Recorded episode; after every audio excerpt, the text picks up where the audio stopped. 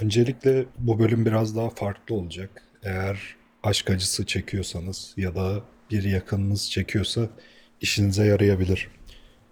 Aşkı nasıl tanımlıyoruz? Ee, bir sürü tanımı var. Ama bu bölüm özelinde şöyle bir tanım yapacağız. Günlük e, çektiğin acıları ya da psikolojik şeylerden kurtulmak için bir kişiye çok fazla değer verme, onun bütün sorunlarını çözeceğini düşünme ve bunun e, bir bağımlılık haline gelmesi. Yani bir yandan günlük çektiğin acıları biraz azaltıyor ama kendisi de e, beyninin normal çalışmasına zarar verip kendisi de bazı sorunlar ve acılar oluşturuyor aslında. Bu tarz sorunlar sizin için daha derindeki sorunları yüzeye çıkaran ve çözmek için fırsat yaratan durumlar olabiliyor. Başlığı böyle de yorumlayabiliriz. Ee, Bu yoğun duygular ile gelen tedavi fırsatı, kendini tanımak, daha sağlıklı hale getirmek için bir fırsat. Duyguların en yoğun yaşandığı dönemde hastalıktan hiçbir fark yok. Bu durumda e, burada anlatacaklarım hiçbir işe yaramaz. Daha çok böyle bir durumdaysanız işte sıcak çorba, battaniye, dinlenme, dinlenilme iyi gelebilir. E, ama o süreci de hızlı atlatabilmeniz lazım. Burada anlatacaklarım biraz daha aşı gibi. Aşının en iyi yapılma zamanı hasta olmadan öncedir. Sevmek, iletişim kurmak, sevgiyi yaşamak, ayrılmak, özlemek, kayıp hissini yaşamak, üzülmek, yas tutmak bunların hepsi insan için aslında sağlıklı olabilen şeyler. Sağlıklı olmayan bir şey var. Beyninizin sizin aleyhinize çalışması. Özellikle çocukluktan kalan sorunlar varsa çok daha yatkın oluyorsunuz. Ama ümitli olmalısınız. İnsan beyni değişebiliyor. Nöroplastisite var. Sizin için ve tabii kendim için bal arısı gibi çiçekleri dolaşıp argümanlar topladım. Buradaki konulardan dikkatinizi çekenleri kendiniz de araştırabilirsiniz. İngilizce daha çok kaynak bulursunuz.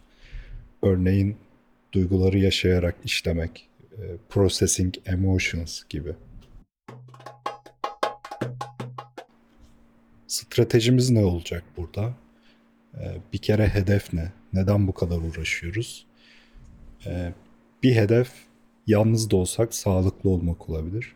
Bir diğeri de e, çok güzel olabilecek bir şey. Yani iki insan birbirinin hayatını daha sağlıklı, daha zengin hale getirebilir. Buna inanıyorsanız e, bunun en güzelini, sağlıklısını elde etmek bir hedef olabilir. Bu hedefe hedeflere giden yolda stratejimiz ne olabilir? Ee, bir kere şöyle üstten bakınca zaten birine takıntılı hale gelmek çok sağlıksız ve e, aslında bu hedeflere gitmeyen bir şey. Hem de belki de daha güzel olabilecek şeylere, daha güzel e, birbirine destek verebilecek insanlar e, var. Seninle iyi anlaşabilecek birisi var. Ona da haksızlık etmiş oluyorsun. Nasıl ilerleyeceğiz? Bir kere genel anlamda güzel düşünceler, güzel davranışlarla ilerlememiz gerekiyor. Gerçekler üzerinden ilerlememiz gerekiyor ve sabırlı olmamız gerekiyor. Sabır burada delayed gratification anlamında kullanıyorum. Yani ertelenmiş tatmin. Gelecekte güzel olacağını bilerek şu anda sıkıntı çeksen bile bazı şeyleri yapmak. Kendimizi nasıl değiştirebiliriz? Şimdi beynimizde bizim etkileyebildiğimiz ve etkileyemediğimiz kısımlar var. Örneğin neokorteks var. İşte e, o kısmı daha iyi etkileyebiliyoruz. Rasyonel düşünebiliyoruz. Yeni şeyler üretebiliyoruz beynimizde. Ama duygularla ilgili kısmını her zaman yönetemiyoruz. Bazen kendiliğinden geliyor. İşte böyle baga giriyor ve e, rahatsız hissettiriyor aslında. Beynimizin yönetebildiğimiz düşüncelerini öncelikle temizlemek lazım. Ve oradan yavaş yavaş diğer kısımları temizleyerek alışkanlıklarımızı, işte tepkilerimizi de temizleyerek daha sağlıklı hale getirmek lazım. Ee, fikrinizi hemen değiştirebilirsiniz ama diğerlerini değiştirmek zaman alabiliyor tabii ki. Bu zamanı kendinize vermeniz lazım. Şimdi gerçek sevgi nedir? Biraz bunun üzerine düşünebiliriz. Yani bir ruh ikizi olduğunu ya da tek doğru kişi olduğunu nereden biliyorsun? Her şey çok rastsal bu dünyada. 8 milyar insan var. İşte senin ruh ikizin belki Çin'de de olabilir. Tek doğru kişi orada da olabilir. Senin hayal kurduğun, seçtiğin kişi nasıl tek doğru kişi oluyor? Ya da ideal sevgi diyelim. Bir kişiyi gerçekten sevdiğini düşünüp birlikte olmak istediğinde onun yerine şu kararı vermiş oluyorsun aslında. Onun hayatındaki en iyi kişi sen olabilirsin. Yani gerçekten böyle mi? Ya da kaybetmekten korktuğunda o korkuyu yaşamış oluyorsun. Gerçekten sevmiş oluyor musun? Bizim gerçekler üzerinden ilerlememiz gerekiyor ve burada kültürün, işte medyanın ya da e, geçmişten gelen şeylerin zararlı olduğunu düşünüyorum. Yani ideal aşk, sevgi, bu tarz şeyler kimsenin faydasına olan şeyler değil.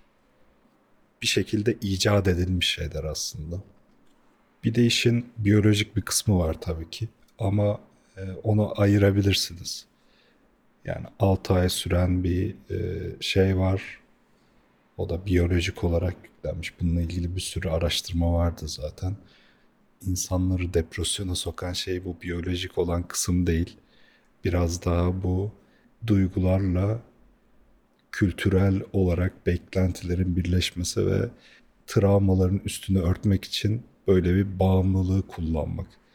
Aslında bir karamsarlıktan kaçarken başka bir karamsarlığa tutunmuş oluyorsun. Her şey senin istediğin gibi olsa da belki mutlu olmayacaksın. O yüzden bizim gerçekler üzerine kurmamız gerekiyor her şeyi. Oscar Wilde'ın burada bir sözü var. Hayatta iki trajedi vardır. Arzularına ulaşamayanların dramı ve arzularına ulaşanların dramı. Şimdi ayrılıktan bahsedebiliriz. Ayrıldığınızda bazı semptomlar ortaya çıkabilir. Örneğin uykusuzluk, takıntılı düşünceler, bağışıklık sisteminin düşmesi, depresyon gibi. Ve bu kayıp sadece bir kişi değil, birlikte e, yaptığınız her şey olabilir. Bu boşlukları bulup doldurmak lazım. E, günün sonunda sizin psikolojik olarak, duygusal olarak beslendiğiniz bir şey vardı. Ortadan kayboldu. Ve bu ayrılık sürecinin en güzeli bence çok keskin ve net olanı. Yine Oscar Wilde'ın bir şiiri var. Tuncel Kurtiz'in Türkçe seslendirdiği. Oradan bir parça paylaşacağım şimdi. Merhametli kişi bıçak kullanır. Çünkü bıçakla ölen çabuk soğur. Bu psikolojik süreçlerle ilgili Göte'nin Genç Werther'in acıları ve Kürk Mantolu Madonna'yı okuyabilirsiniz. Güzel psikoloji analizi yapıyor. İnsan kendini çok kolay ve sıkça kandırabiliyor. Bunun üzerine düşünmek lazım. Ne kadarı bizim gerçekten istediğimiz şeyler, ne kadarı kültürün bize verdiği şeyler. Bunları dikkat etmek gerekiyor. Ve tabii ilişki senin değerin değil. İlişki seni tanımlamıyor. Hikayeler ayrıldıktan sonra ayrıştı. Artık üzerine çok fazla anlam yüklememek gerekiyor her şey istediğin gibi olsa bile sen sen olmayacaksın. Değişiyor her şey. O kişi de aynı kişi olmayacak. Bir şekilde sihir bozuldu. Şimdi de şu soru üzerine düşünelim. Ne zaman ayrılabilirsin? Bunu özellikle bir bölüm yaptım çünkü bazı insanlara kalsa hiç ayrılmamak lazım. Ee, işte şimdiki genç ilk zorlukta ayrılıyor. Hayatında zorluk görmemiş velet ama biz öyle miydik üf falan gibi. Ama bir araya gelmek ne kadar kolaysa ve kolay olmalıysa ayrılmak da o kadar kolay olmalı. En çok belki insanları zorlayan şey bu hikaye böyle bitmemeliydi düşüncesi. hikayenin doğru tamamlanması hissi var. Ama bu hiçbir zaman olmuyor. Yani her şey yine hayatta olabiliyor. Rastsal biz anlam yüklüyoruz ama anlamlı olmak zorunda da değil. Ya da her şeye güzel anlam yükleyebiliriz. En e, az acı çektiren neyse, en doğrusu neyse iki kişi için onu yapıp sonra güzel anlam yüklemek lazım. Sürekli neden böyle oldu diye düşünmenin bir anlamı yok. Bir noktadan sonra elde ettiğin tecrübe ve bilgi artmıyor. Kararını değiştirecek yeni bir bilgi de gelmiyor. Sadece böyle düşünerek aslında kaybettiğin kişi ya da şeyle ilgili bir bağ tutmuş oluyorsun. Bu da yine vazgeçememek ve acıyı arttırmak sadece. Peki sebep ne olabilir? Örneğin ticari anlaşmalarda force majeure diye bir şey var. Anlaşmanın tarafları kendi iradeleri ve kontrolleri dışında oluşan şartlar altında anlaşmanın tek taraflı veya çift taraflı feshedilme şartlarını açıkça belirterek mücbir sebepleri açıklayan maddeye deniyor. Mesela bir şey teslim edecektiniz ama fırtına oldu teslim edemediniz gibi gibi. Böyle bir birliktelikte de force majeure olabilir. Yani dışarıdan beklemediğim bir şey olabilir. Ya da nefsi müdafaa her zaman bir şeydir. e, sebep olabilir. Sağlığını korumak için ayrılabilirsin. Ya da başka başka bir sürü sebep. Burada bir de dikkat edilmesi gereken şey siz çok mantıklı ve doğru bir sebep olduğunu düşünseniz bile karşı taraf borderline, bipolar, işte narsisist falan olabilir. Ve burada e, her zaman bunların altına oymaya çalışacak. Ama bu da bir şekilde günün sonunda bir karara bağlanması gerekiyor. Şimdi bazı öneriler üzerine düşünelim. Bu öneriler bazıları basit olabilir, yara bandı gibi olabilir ama eğer işe yarıyorsa yara bandı da güzeldir. Öncelikle bunun bir bağımlılık olduğunu düşünmek gerekiyor. Eğer böyle düşünmezsek, kendi kendimizi sabote edersek tedaviyi zorlaştırmış oluyoruz sadece. Romalı şair Ovid'in milattan sonra 2 yılında yazılmış Remedia Amoris eseri var. Orada da bazı öneriler var. Genel olarak dikkatini başka yerlere vermek, kendini meşgul etmek ve ideal olmayan kötü yanlarını hatırlatmak kendine gibi. Örneğin e, bir tanesi işte boş durmamak. E, çok boşta kaldığımızda düşüncelere sarıyoruz. Örneğin genellikle diş ağrısı da işte aşk acısı da hep gece daha çok olur. Çünkü e, uyaran sayısı az. Başka neler diyor? İşte e, sevdiğin kişinin kötü yönlerini düşün, eksiklerini düşün diyor. E, izole kalma, işte sık olarak görüşme o kişiyle, düşüncelerini kontrol et, böyle kendi kendine fantezilere dalıp gitme, rasyonel ol, işte başkalarıyla birlikte e, vakit geçir, yeni bir ilişkiye hemen atlama e, ve başkalarının hikayelerini dinle. E, aşk acısı çekmiş olan hem bu bazı şeylere daha çok dikkatli davranmanı hem de yalnız olmadığını hissetmeni sağlar diyor. Bunun dışında tabii ki yakın arkadaşlarınızla konuşmak iyi gelir. Her konuştuğunuzda o hikayeyi biraz daha oturtuyorsunuz aslında, biraz değiştiriyorsunuz. Ee, üzerine böyle takıntılı şekilde düşünmemek lazım ama biraz düşünüp o duyguları yine de proses etmek lazım. Duyguları bastırdığımız zaman başka yerlerden çıkıyor zaten. Bunun yerine bir şekilde yaşayıp ama çok da fazla üzerine takıntı haline getirmeyip geçmesini beklemek gerekiyor. Bunun dışında insanın bu dönemlerde böyle kötü düşünceler aklına geliyor işte hep yalnız kalacağım şöyle böyle. Ee, belki bunu da kabul etmek lazım. En kötü ne olabilir? Yalnız kalabilirim. Tamam. Bu cesareti göstermeden birini gerçekten sevebilir miyiz? Bazı bilimsel araştırmalar da var bu konuda. Örneğin e, sıradan bir ağrı kesici, parasetamol bile aşk acısını azaltabiliyor. Ya da yine Ovid'in söylediği şeyleri destekleyen araştırmalar var. Böyle beyinle elektrot tapı- takıp işte eee, eğer o kişiyi kötü hatırlamaya çalışmazsa nasıl oluyor gibi gibi eee, aynı sonuçlara varıyor az çok. Şimdi çocukluk travmalarından bahsedebiliriz. Tabii bu konu önemli bir konu. Profesyonel destek alabilirsiniz ama sizin de kendi kendinizin biraz doktoru olmanız gerekiyor bence. E, Burada o sürüş koltuğunda siz olacaksınız, desteği alacaksınız. Belki e, fikrinizi değiştireceksiniz, belki inanmasanız bile o profesyonel desteğe uyum sağlayacaksınız ama günün sonunda siz karar veriyorsunuz ve siz istiyorsunuz ve bununla ilgili bütün bilgilere de e, toplamanız gerekiyor. Yani ben nasıl daha iyi olurum psikolojik olarak. Şimdi çocukluk travmalarıyla ilgili bir sürü keyword var. Ama en önemlisi e, CPTSD e, yani işte travma, kompleks travma diye geçiyor. Ve e, attachment yani bağlanma ile ilgili şeyler. Bunlar üzerine araştırma yapabilirsiniz. Şimdi mesela CPTSD nedir?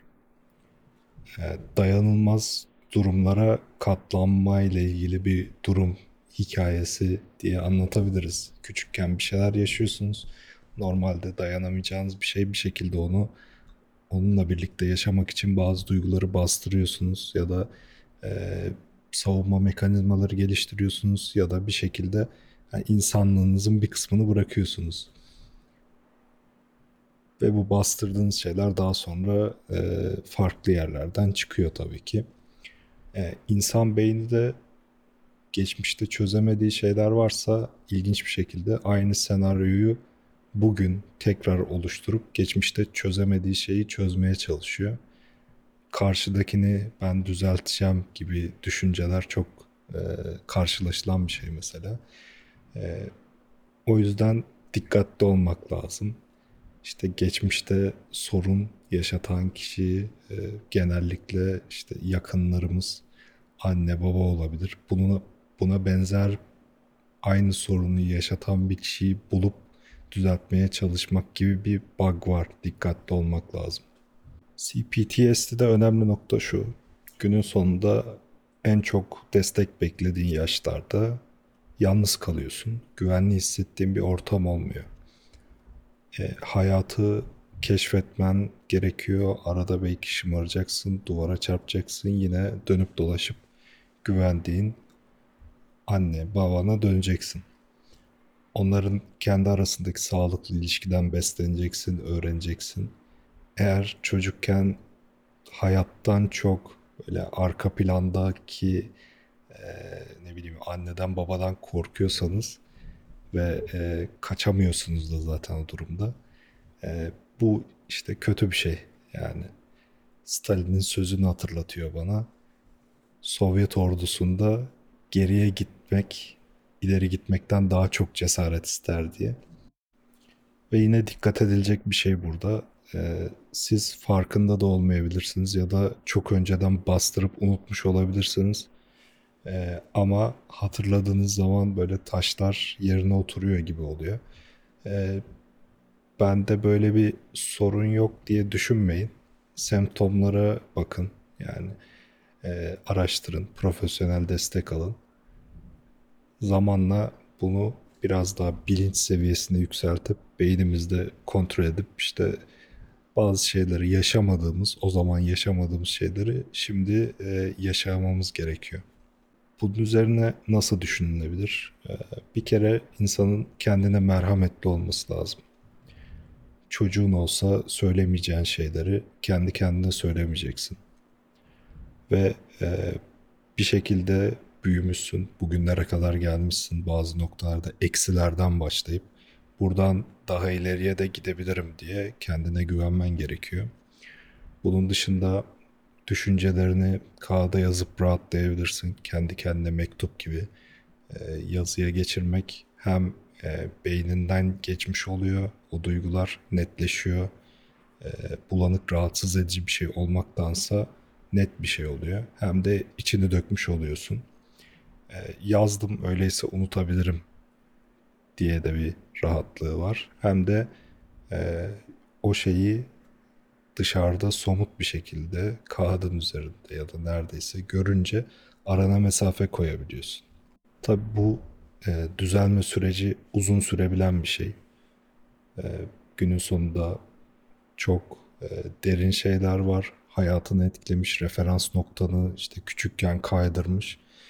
E, ama çok sayıda insanda var. Ben böyle düşünüyorum. E, oran olarak hiç de düşük değil bu. E, özellikle bizim ülkemizde. E, ama zaman alan bir şey çözümü. Savunma mekanizmaları geliştiriyorsun. Seni hayatta tutuyor küçükken. Sonra asıl problemleri çözdükten sonra savunma mekanizmalarını da kaldırıp tam normalleşmen gerekiyor. Bir de burada yardımcı olabilecek bir şey. E, yani dünya böyle. E, zarar görmüş bir dünya. Herkes zarar görmüş olabiliyor. Bunu kabullenmek lazım. Bunun dışında herkesin işte çok sağlıklı olacağını düşünmek e, çok mantıklı değil.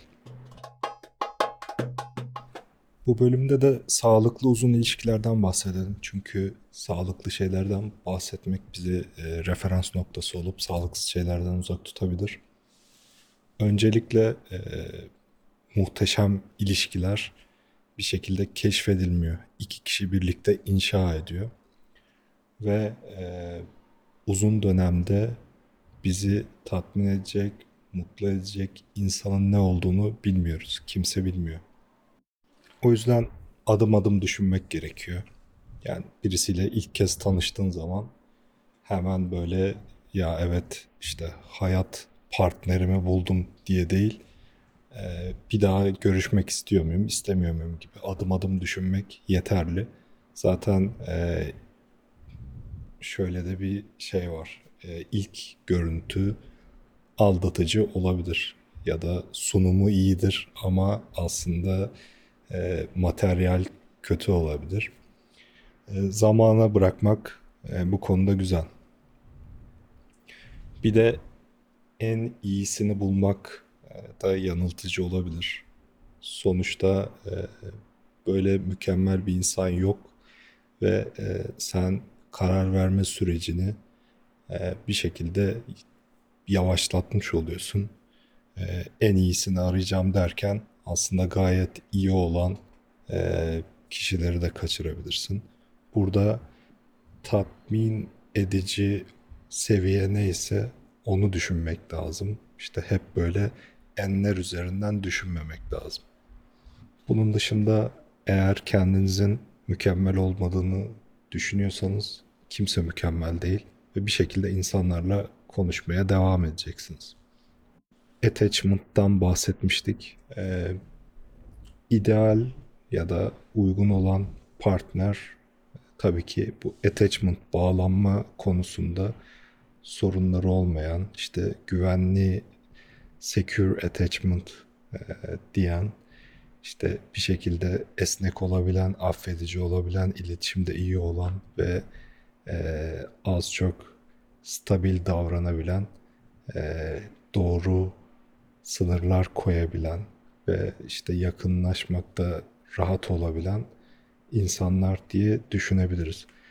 Bunun tersi daha iyi anlaşılması için secure yerine e, avoidant ya da anxious diye kavramlar var. Yani yine attachment'ı aradığınız, araştırdığınız zaman bunları da göreceksiniz. Peki araştırmalar genel olarak ne diyor? İşte uzun dönem ilişki başarıları e, neye göre? E, insanın duygusal olarak daha stabil olması. Yani bir sorunu olabilir ama onu duygularına tamamen kapılarak daha kötü hale getirmemesi, işte kendisi de istemeden belki zarar vermemesi gerekiyor etrafına. E, bunun dışında işte nazik olmak, sadık olmak ve e, genel olarak ilk kişinin birbirini iyi hissettirmesi. Tabi bunlar böyle bir anda e, ortaya çıkarılabilecek şeyler değil. Zamanla tecrübe ederek ortaya çıkarılabilecek şeyler. Evet, podcast'in bu bölümünde Oscar Wilde'ın bir sözüyle tamamlayalım. Kendini sevmek ömür boyu sürecek bir aşkın başlangıcıdır.